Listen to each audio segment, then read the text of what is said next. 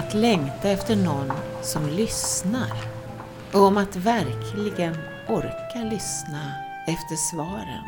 Du lyssnar på Eva Lejonsommar. Jag pratar ibland med Gabriel och ibland med en gäst. Välkommen! Det är mycket jag inte vet. Men det här vet jag med säkerhet. Jag är född. Eller alltså, ja, det är vad mamma påstår. Ja, alltså hon som kallar sig min mamma. Jag får ju lita på henne. Det finns bilder. Eva, två och en halv månad, står det på den första bilden. Oj, oj, oj, det här var länge sedan. Hmm. Dragen på den första bebisen liknar dragen på nästa bild. Eva, sex månader. Ja, det har gått lite tid här. Men man ser att det är samma bebis, även om kroppen har förändrats. Ja, det är såklart samma kropp, men ändå inte riktigt samma eftersom den har växt och börjat röra sig på nya sätt. Men kanske är det något i blicken som avslöjar att det är jag som kan sitta upprätt med stöd i en spjälsäng och en månad senare, hepp, kan sitta utan stöd på tant Elisabeths hallgolv. Bebisen på det svartvita fotot i albumet som har ett medvetande men ännu inte har ett avgränsat jag, som har en kropp men ännu inte riktigt vet var den börjar och slutar, den bebisen har en hel del gemensamt med den medelålders kvinna som blundar och lägger händerna på tangentbordet för att prata med änglavärlden. Kan det vara därför som jag inte berättar för vem som helst att jag kanaliserar? Jag skickade ut idén om Mentalbokspodden på remiss i höstas och fick snabbt tillbaka engagerade, oväntade och intressanta svar på min fråga om det var en bra idé att göra en podd om kanaliseringar utifrån mina egna erfarenheter.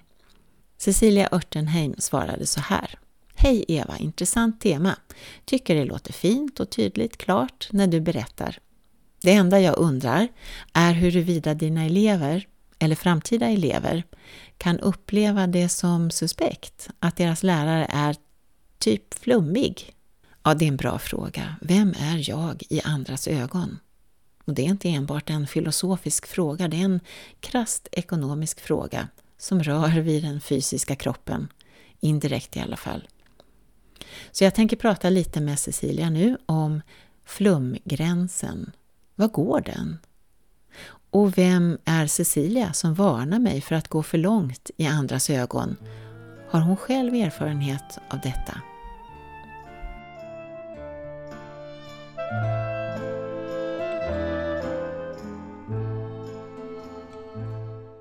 Cecilia Örtenheim. Mm. Jag, ska prata hej. Hej. jag ska prata lite med dig tänkte jag om eh, ett remissvar. Eller jag skickade ut en mail mm. till dig och eh, då tyckte du att det var en bra idé som jag hade med den här podden. Då varnade du lite grann för vad mina elever skulle kunna tyckas, mm. tänka mm. ifall, ifall de visste att jag kanaliserade. Ja. Och då, då nämner du ordet flummig. Mm. ja. och då tänkte jag att vi skulle prata om det ordet. Mm. Och var den här flumgränsen går. Mm. Um, så att det är liksom rubriken. Men jag tänkte så här att vi ska titta på, presentera dig lite grann först då. Mm. Um, och vi har ju känt varandra jättelänge. Ja, jag vet inte, sen, nej, sen 88 tror jag. Ja, precis. Mm. Och jag kommer ihåg när jag träffade dig så mitt första intryck det var att du hade liksom en, en fot i marken och så kom du från en lång resa och så var du på väg mot nästa äventyr. Ja, så kanske det var då, ja. Ja, och det tycker jag är ett, eh, ett ganska, ja men det är en sån där bild som jag tycker ändå håller i sig. Eller har hållit i sig, mm. alltså så länge som jag har känt dig. Att du, du, du har den här liksom ut, äventyrarens eh, puls i dig. Du är på väg någonstans, du ska undersöka någonting och det är, någon, det är hela tiden någonting som ja, du är på väg emot helt enkelt. Mm, ja, mm. för det mesta är det väl så kanske. Ja. Mm. Och eh, du har ju rest väldigt mycket. Mm. Ja. Ja. Jag tänker att kanske ditt arbetsliv, ditt yrkesliv inte har varit det som har definierat dig starkast. Nej, verkligen inte. Det- Allra minst Allra minst, ja. kanske. Kanske. ja. Utan att det är, den, det är det här resandet. Eller? Ja, resande och utforskande och på något sätt så i Mm. världen. Mm. Så. Och även kanske lite i det inre också. Mm. Ganska mycket kanske? Ja. Eller? Ja, både och. och. Ja. både och. Ja, det hänger nog ihop lite, Ja. för min del i alla fall. ja, just det. Dels har du rest, har varit i, över hela världen i, i princip, eller många länder. Många länder, Mm. men inte hela världen. Nej, inte hela världen. Men, men eh, jag, om jag gör en liten uppräkning här då. Mm. så, så kanske det finns, det är olika världsdelar och det är olika länder och det finns någon kanske gemensam nämnare i att det är eh, ja, eh, andliga eller alternativa miljöer som du har varit i. Dels alternativa miljö- miljöer men också ett, ett sökande efter något slags ursprung. Liksom. Mm. Urkraft, ursprung. Alltså jag har ju varit länge intresserad av just ursprungsfolk och ursprungsinstrument och ursprunglig sång och så vidare. Så att det Mm. har väl varit lite det också. Och sen det här kanske mer alternativ, annorlunda, lite, ja lite ursprungliga mer, tycker jag nog. Mm. Har det alltid varit en, ett intresse då eller någonting som du har liksom sökt dig till? Jag tror det. Mm. faktiskt, Att det alltid varit en önskan att kom, hitta till något slags ursprung. Ja. Mm. Jag har nog alltid haft det, så Mm. länge jag kan komma ihåg. Mm. Ja, just det. För jag kommer ihåg när jag träffade dig, då tror jag att du hade varit på den här eh, musikskolan eh, på Java i Ja. Indonesien. Ja. ja. Och då, är det ju, då var ju det ett sätt, på ett sätt, ett, sätt att få vara där. Mm. Att få ett stipendium och kunna studera musiken. Som, för att kunna komma in lite i deras samhälle och kultur. Så Ja. att då, då gick jag på en musikhögskola där och utforskade den indonesiska, javanesiska och balinesiska kulturen kan man säga. Mm. Lite. Mm. Och innan dess hade du varit väldigt mycket på Bali. Väl? Eller, På Bali hade jag varit Mm. och rest ja, runt lite också i, i Australien. Mm. Mm, det var nog så. Mm.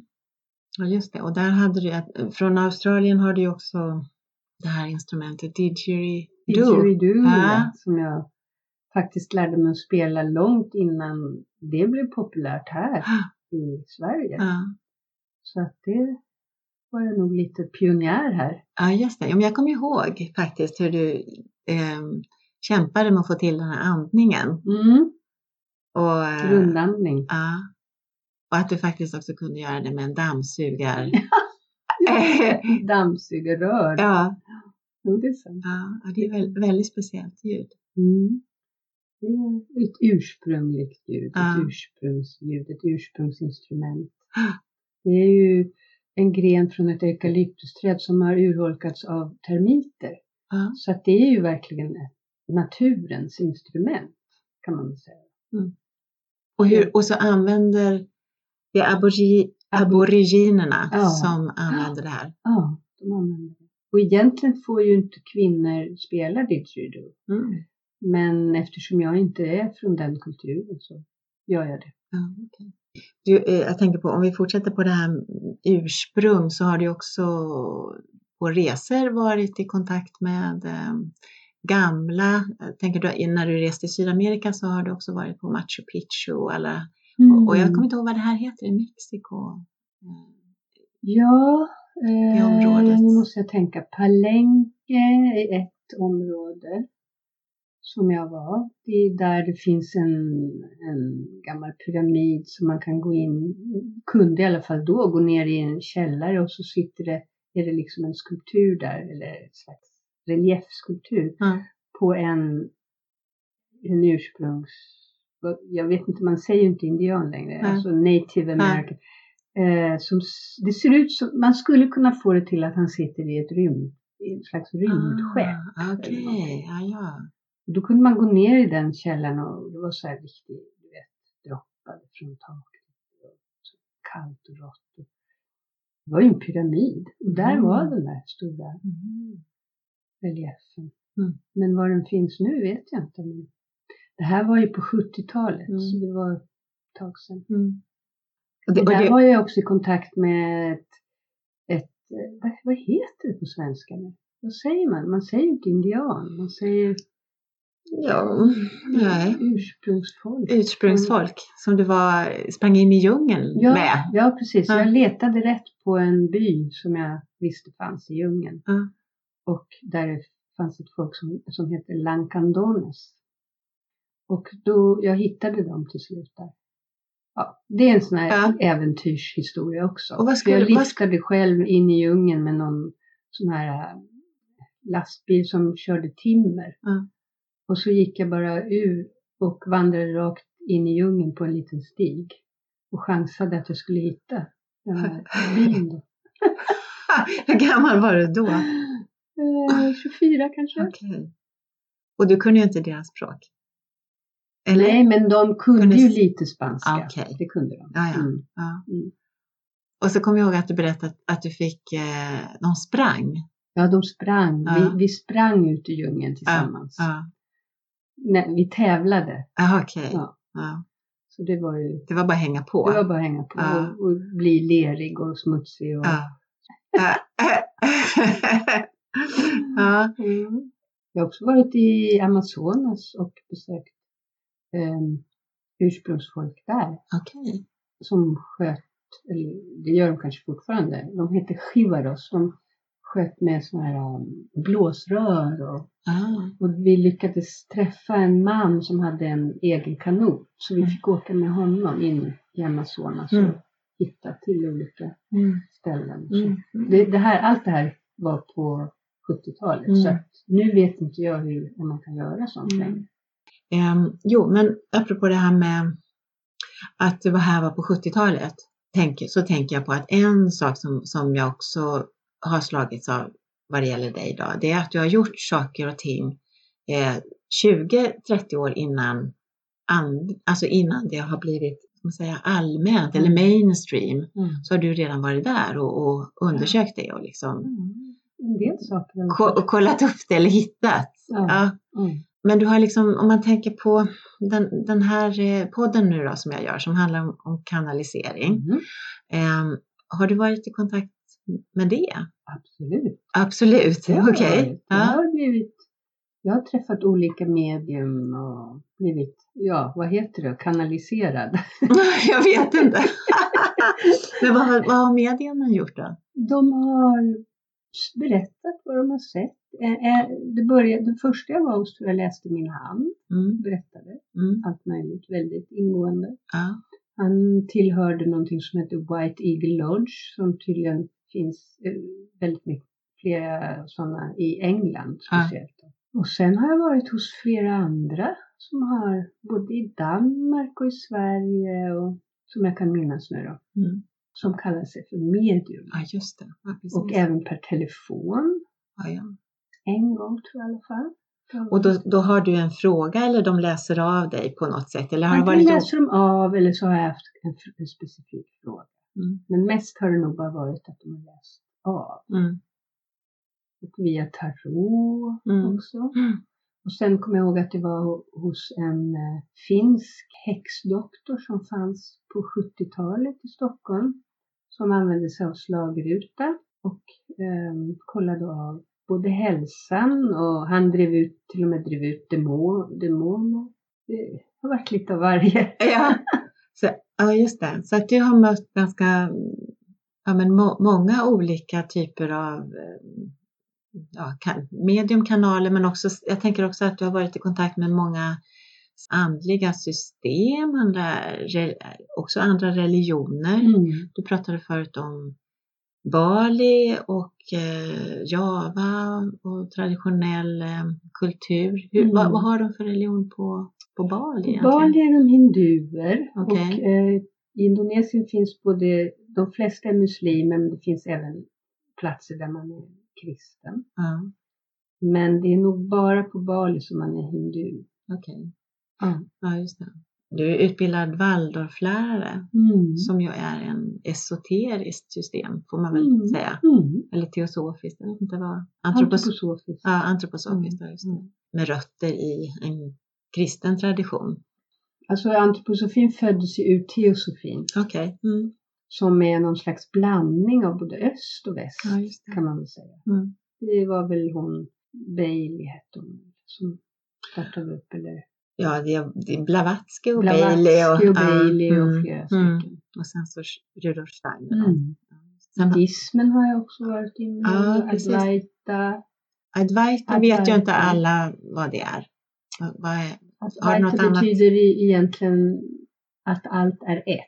Liksom, Mm. och att, om man ska sammanfatta det så är, kan man väl säga att, det är, att allt är medvetande. Mm. Att vi är, allt medvetande är samma. Alltså vi är alla en del av samma medvetande. Mm. Alltså, sen är det ju såklart personifierat genom att vi även är en person. Mm. Men consciousness. Ja, att vi, Men att det också går att skära igenom då illusionen eller nå, det går att, att nå en eh, omedelbar upplevelse av detta medvetande. Mm. är inte det lite grann Advaita jo, också? men det betyder att Mm. ingenting är delat. Att Mm. allt är Mm. ett. Och det är ju en väldigt gammal, det är vedaskrifterna. Ja, det, ja, är just ju, det är ju att- alltså, Mm. det finns, eh, ja, jag, jag ska inte gå in i det här, Nej, men det nej. är i alla fall gammal Mm. Indisk Ja, det. visdom. Ja. Taoism. och- Alla de där är ju lite, de hänger ihop Ja, på något sätt ja, tycker jag. ja. Det är inte så stor skillnad Nej. egentligen. Mm. Och, och sen så vet jag att du har också varit eh, i Indien då hos Bhagwan eller Osho. Osho på den. Ja, just det. Mm, Precis. Ja, Det en liten på- session. Vad var det då? Det måste var vara kanske på 80, ni- Nej, 90-talet var det nog. mm, Ja. precis. 90-talet. Ja. Mm. Och sen har du även varit i kibbutz i Israel och nu, och nu sjunger du i judiska kören va? Ja. ja. Ja. Jag vet att du har även varit, vad heter de här tibetanska buddhisterna här någonstans i Stockholm Mm. tidigare. Jo, tibetanska buddhister. Mm. Precis. Och eh, ja, jag har varit och nosat på så mycket. Ja, så att verkligen. Jag kommer knappt ihåg Nej. vad jag har gjort.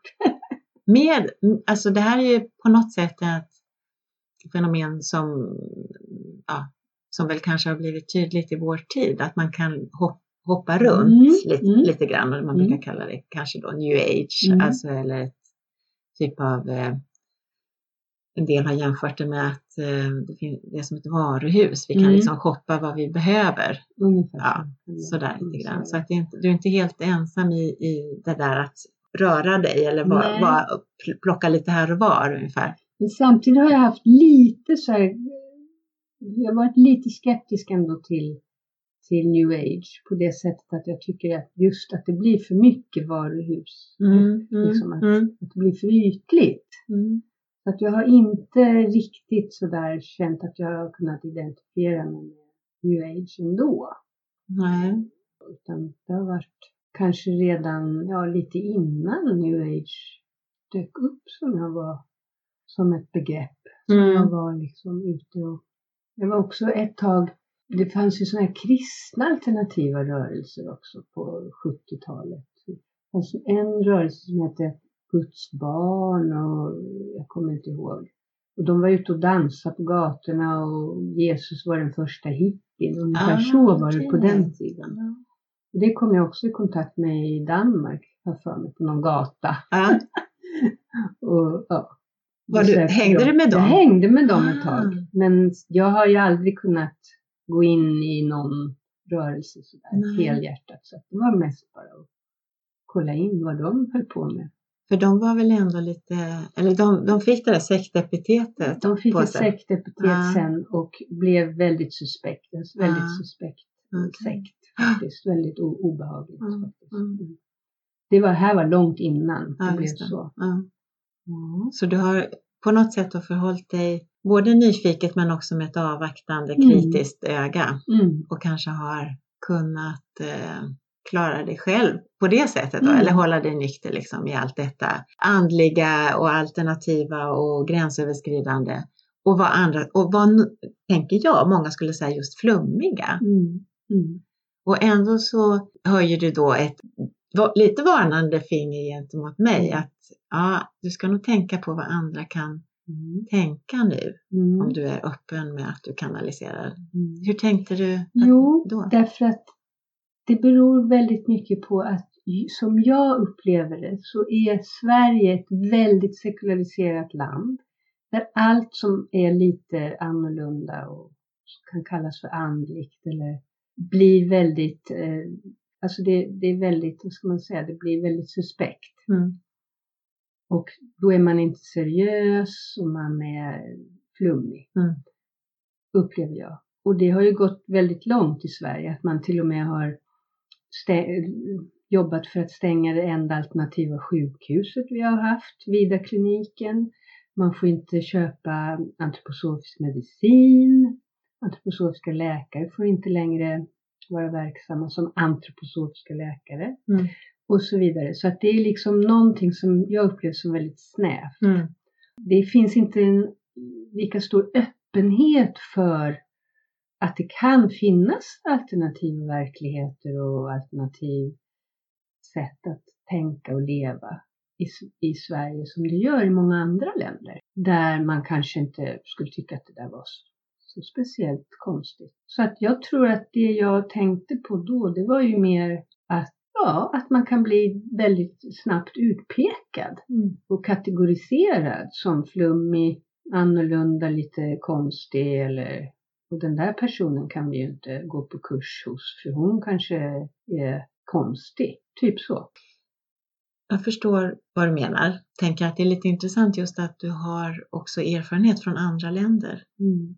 Och kan jämföra då att du tycker det här, det här upplever du att det är svårare i Sverige än det är i andra länder. Och jag Mm. vet att du har bott mycket i Spanien nu Ja, jag den sista i flera tiden. länder. Ja. Alltså jag har bott i flera länder och senaste åren har jag mest bott ja, i Spanien och Mm. i Sverige. Och Spanien har ju en, en, är ju katolskt land, även om inte all, alla klassificerar sig som katoliker nu för tiden. Ju också mer sekulariserat, men ändå så finns det en tradition av att man dy- dyrkar eh, Maria och Jesus och så vidare. Det är ju en annan, annan öppenhet för, för att det kan finnas någonting större än oss själva. Liksom. Mm.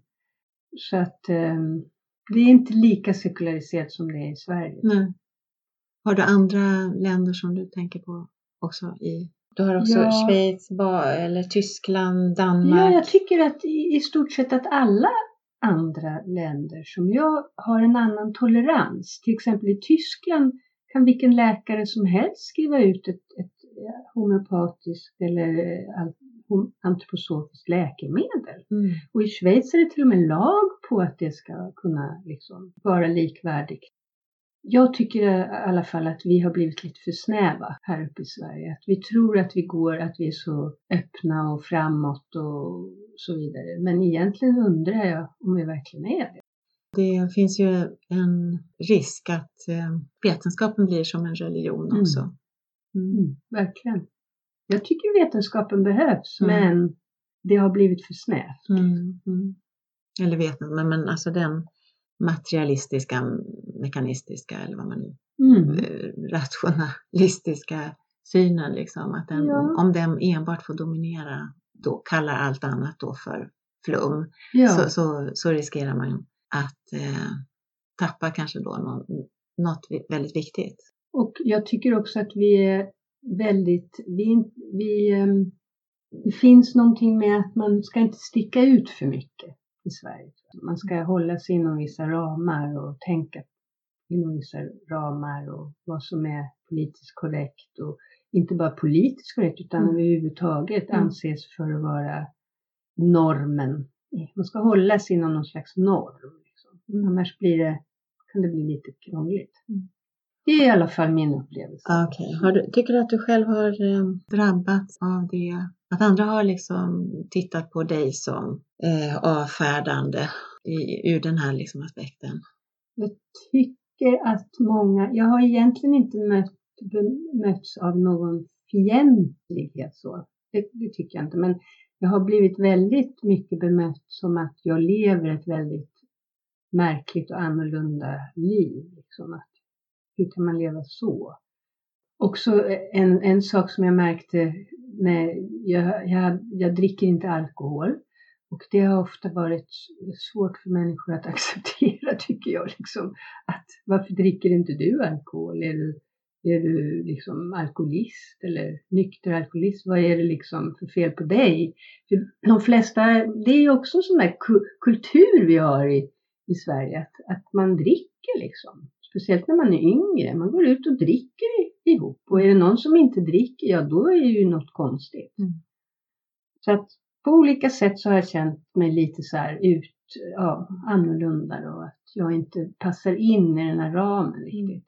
Men sen tycker jag ändå att jag har, att jag umgås mest med människor som heller inte riktigt passar in i, i den här ramen. Mm. Så att, mm. Men i arbetsliv och så vidare så mm. har jag nog känt mig lite så här udda. Mm. Jag tänker också på det här nomaden som, mm. som du kanske representerar som nästan ar arketyp, liksom, att du rör dig, mm. är ju hotfull för den här bofasta mm. eh, människan mm. som, som ser med misstänksamhet på den här som kommer och går. Och, så, mm. och, eh, och det är ju det, om, om man ser att normen är att vara eh, stabil och ha en, ett fast, en fast tjänst och en eh, bolån och liksom karriärplanera och, och att det är normen att gå ut och afterworka och, och, och mm. sådär liksom. Mm. Så, så blir det ju väldigt så konstigt. Mm. För du passar ju verkligen inte in där. Precis. Så på något vis det här udda blir väldigt, väldigt utmärkande. Mm. Liksom, att man bryter mot de här normerna. Mm. Sen finns det ju mycket som är bra med Sverige. Det är inte så jag Nej, menar. Jag förstår. Men i den här kontexten mm, så. Men, men eh, själv då? Var går din flumgräns? Var känner du att nej, det här, nej, det här, det här känns konstigt eller liksom nu, nu vet jag inte det. det här, dit vill jag inte gå liksom eller? Ja, det måste jag nästan fundera på, men det som kommer direkt nu då, det är när det blir sån här sekt, sekterism, liksom sekter, mm. där alla ska tänka på samma sätt och, och det här lite fanatiska vad det än gäller, fanatiska, sekteriska. Mm. Det, det tycker jag känns skrämmande för mig. Och på vilket sätt tänker du att det, eller hur associerar du det sekteristiska då med, med ordet flum? Alltså flum kan ju betyda olika saker, men det kan ju dels betyda att det inte är eh, vetenskapligt veder, att man inte har kunnat vetenskapliga bevis mm. för att det här verkligen... Det, det, kan, det kan ju klassas som flummigt. Mm. Men sen är det ju också en känsla sådär, liksom flummigt. Jaha, det här verkar vara lite nästan på gränsen till någon slags galenskap. galenskap. Ah, ja, okay. Precis. Ja, just det. det är liksom, jaha, är det någon, någon liksom liten... Men det är så, det är så svårt. Oj, förlåt. Det är så svårt att prata om det. För att mm. man kan ju säga så här, ja, men det kan ju vara en människa som har, är lite psykotisk till mm. exempel, mm. som har hör röster eller vad vet jag. Men samtidigt så kan man ju också ifrågasätta vad det är för någonting. Vad mm. är att vara psykotisk? Liksom? Är det ett, en, en, ett annorlunda sätt att uppleva världen eller är det, är det bara totalt någonting som finns inom en själv, någon hjärnskada eller vad, vad är det, vad beror det på? Så att då kommer man liksom, då blir det också svårt att riktigt veta vad man ska kategorisera mm. det som. Men ähm, flum, det är väl, för mig är det väl någon slags intuitiv känsla också lite. Nej, det här är, är inte riktigt. Kanske också väldigt individuellt mm. för varje person. Mm. Vad den upplever som flummigt. Jag, jag googlade på vad, vad, vad det ordet mm. står för och var det kommer ifrån. Mm. Och tydligen så kommer det ifrån, det är oklart ursprung, men det är belagt sedan 1973 att det kan vara Möjligen från engelskans flummery och det betyder struntprat. Och det är eh, ursprungligen är det någon slags pudding från Wales som har gett, gett fla, flummery sitt liksom. Ja. Men det är inte särskilt gammalt ord då, men det struntprat då. Och det är Wikipedia nu då. Att flummig kan sägas om en person eller en text som säger mycket utan att ha så mycket innehåll eller tanke bakom. Och det skulle kunna vara det där som du hävdade då inte vetenskapligt belagt. Men det är väldigt mycket som vi säger som inte är vetenskapligt mm. belagt och som inte går att belägga helt enkelt. Mm. All religion är i så fall flummig. Mm. Absolut. Ja, väldigt, väldigt mycket flummigt. Eh, sen kan det vara en annan betydelse då att det är oseriöst. Eh, och då är det väl en person, oseriös, som inte tar saker på allvar. Mm. Då kan man ju fundera på, ja det, mm, det är rätt mycket som vi alltså som finns runt omkring oss som, som inte kanske tar saker och ting på allvar. Våra politiker kanske inte tar miljöhotet, klimathotet på allvar, eller åtminstone inte Trump. Den tredje betydelsen skulle vara påverkad av vissa droger såsom mm. marijuana. Och det är liksom att vara i ett annat tillstånd, liksom mm. flummig, borta och inte se kanske den verklighet som vi andra ser. Jag tror att det jag tänkte på när jag sa det här till dig, mm. det var nog mer att man inte ska ta dig på allvar. Alltså förstår du? Ja, att dina elever mm. skulle kunna tänka, den här personen kan vi inte ta på allvar. Ja. Lite så kanske. Mm. Jag förstår vad du menar. Och är, jag, alltså vi använder ju ordet flummig, de flesta av oss. Och, och kanske precis som du säger, att det är en ganska individuell gräns och att vi sätter den snabbt, det kommer som en fördom. Det här fenomenet eller den här personen tar jag avstånd från. Och utan kanske att tänka efter eller, mm. eller motivera varför vi gör det. Mm. Det räcker med att vi säger flummig, mm. så är det liksom legitimt. Ja, och sen finns det ju människor som faktiskt som utger sig för att vara olika synska och, ha övernaturliga krafter och förmågor att hila och så vidare.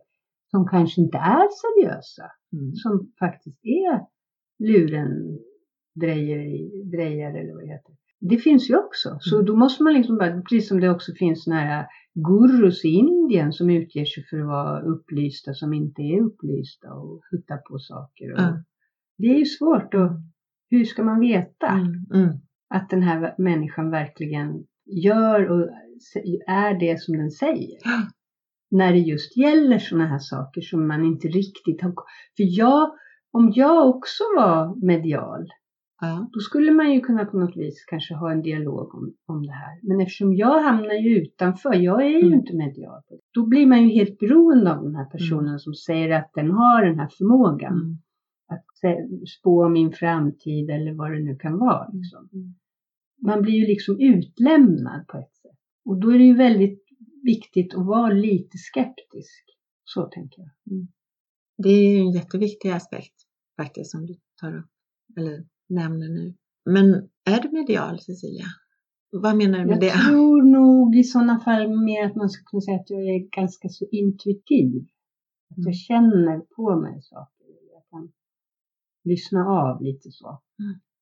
Det, det tror jag att jag är. Men medial på det sättet att jag kan säga att jag har kontakt. Jag har i och för sig aldrig provat att sätta mig och skriva och se om det kommer någonting liksom per sådär. Det har jag aldrig provat så att jag vet inte. Men jag tror inte att det är det. Du har inte provat? Du vet nej, inte? Nej, det har jag faktiskt inte. Än? Nej, Än. du vet inte. Du har inte testat? Jag kanske prova och se ja. vad det är som kommer. Ja. För eh, jag gjorde det. Mm. Och det kom ja. något. Ja. Och jag vet inte om det gör mig till medial, men det fortsatte att komma. Mm. Och jag märkte att ju mer jag gjorde det, desto lättare var det att, att ta den här kontakten. Och jag är lika frågande som du mm. faktiskt, vad det här är för någonting. Men att det är flummigt tycker jag ju inte längre utan jag är mer sådär, det är någonting och det är synd att, eh, ja, att vi så lätt då avfärdar någonting som eh, jag ändå har upplevt är intressant och är, går att prata om, är väldigt annorlunda naturligtvis eftersom vi inte har, vi har så lite jätteord om det och vi har väl ganska mycket fördomar också Mm. om detta då. Som vi nu kanske då benämner som kanalisering och eh, ja, möjligtvis i, många fall då kanske avfärdar eller vi får snabbt en idé om att det är ett medium eller att man pratar med döda andar eller Mm. något sånt där. Medan eh, om man går till de som har liksom skrivit och forskat om det menar ju på att ja, men kanalisering det är ju faktiskt vad som både ligger till grund för de flesta av våra religioner, alltså det finns eh, skrifter då som är just kanaliserade Mm. och även hela eh, konsthistorien, litteraturhistorien, musikhistorien, vad du vill, så be- vittnar konstnärer av olika art då om att de har tagit emot inspiration eller liksom verk, vad de nu, hur de nu uttrycker sig, som har kommit till dem på det sättet att de har upplevt att det inte det har kommit någon annanstans Hilma ifrån. Klint till exempel. Ja, det är ett, det är ett, Ett exempel. speciellt exempel, men alltså i, i mycket mera etablerade eller tillgängliga former. Alltså Hilma af Klint hade ju en, en speciell kontakt liksom. Mm. Men eh, nu har inte jag några exempel som jag bara kan så här, hosta upp. Men jag, jag verkligen slogs av när jag läste i en bok som jag skaffade som handlar just om kanalisering. Så slogs jag av, men oj, wow, vilka tydliga exempel och vad många de är på att vår, vår, vårt liksom kulturarv i mångt och mycket, det som verkligen har banat ny väg och varit eh, exceptionellt, många gånger liksom har eh, varit kanaliserat eller kommit till på det här sättet att den som har fått det, uttryckt det, har upplevt att det här var, det här var en kraft som använde sig av mig. Sen kanske inte det var vad som har eh, alltid då sparats eller, eller bevarats för, för historien, just de här vittnesbörden, för att det passar inte in liksom. Mm. Vad, vad tänker du om, om nu, sa, nu sa du så här Sverige då att det är lite knepigt. Jag tänkte också på Hilma af Klint. Hon Ja. är ju, tas ju inte helt på allvar, Mm, känns det som. okej. På grund av att hon var intresserad av spiritism och att det var så, så kallade andar som arbetade genom henne. Och eh, som jag har förstått så har hon inte tagits riktigt på allvar, eller kanske fortfarande inte tas riktigt på allvar.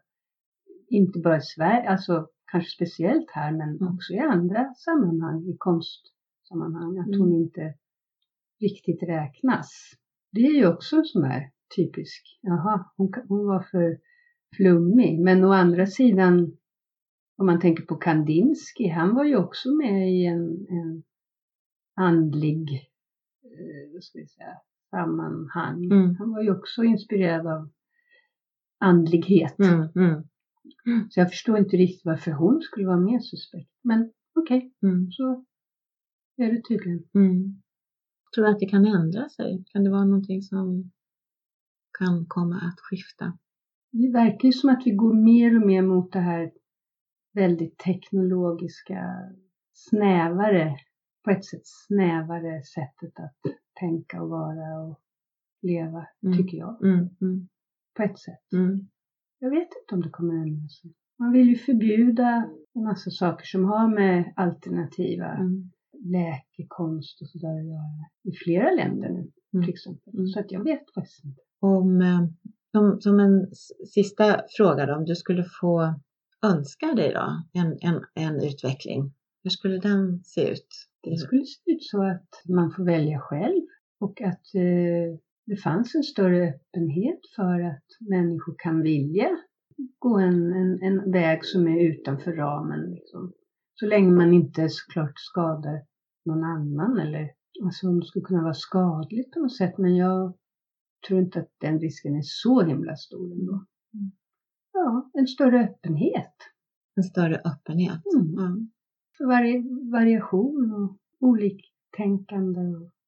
Det kan ju vara också att, att samhället liksom, att det delar sig mer och mer. Va? Att det finns liksom en grupp som går mer och mer in i det här äh, Materialistiska, tekniska, Ja, ja, vet, ja. vetenskapliga Mm. och en annan som kanske tar med det och, och samtidigt är mer öppen för andra dimensioner. ja. Och då skulle du välja det andra alternativet? Jag skulle välja en slags blandning tror jag. Mm. Alltså att det inte blir antingen eller utan att man liksom för ihop så gott det går. Mm. Det pågår ju faktiskt eh, just sådana eh, riktningar också, men de, de, är inte det, eller de riktningarna är inte dominerande just nu då. Men det finns ju verkligen. Mm. Det finns, Ja. absolut. På olika... Det finns. Ja. Mm. Mm.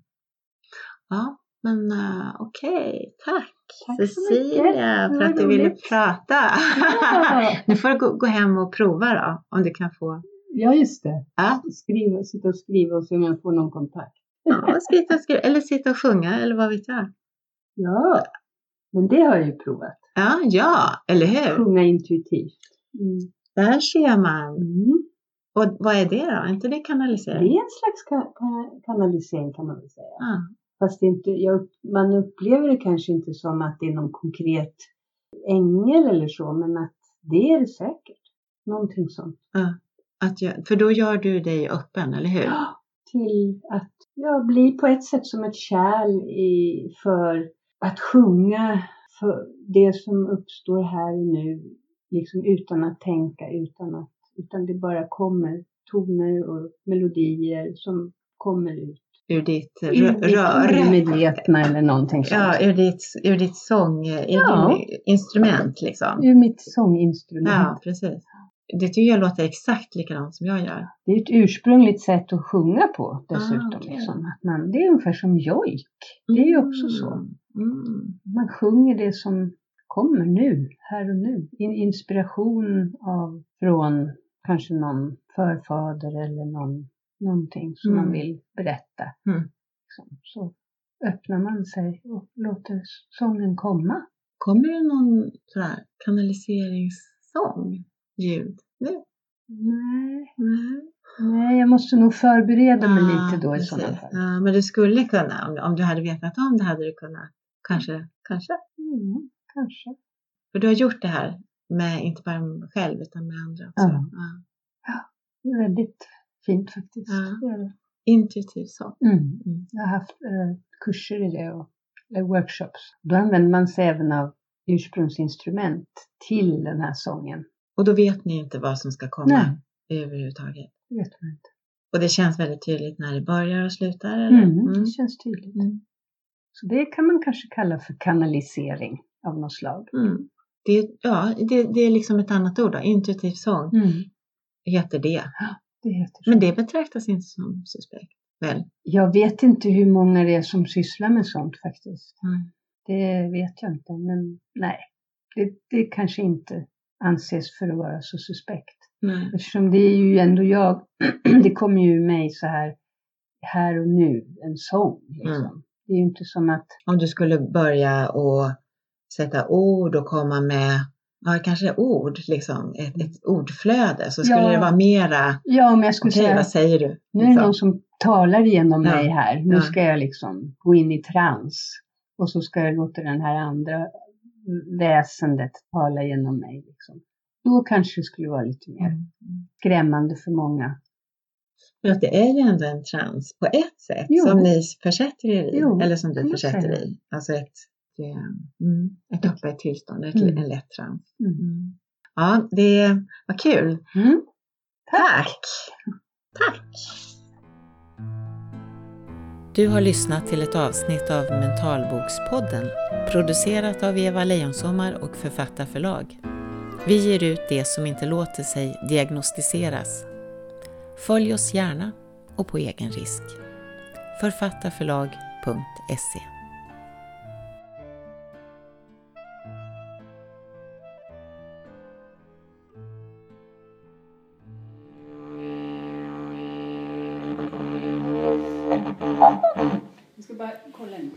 tror att det räcker. Nej, men nu vill jag prova. Ja.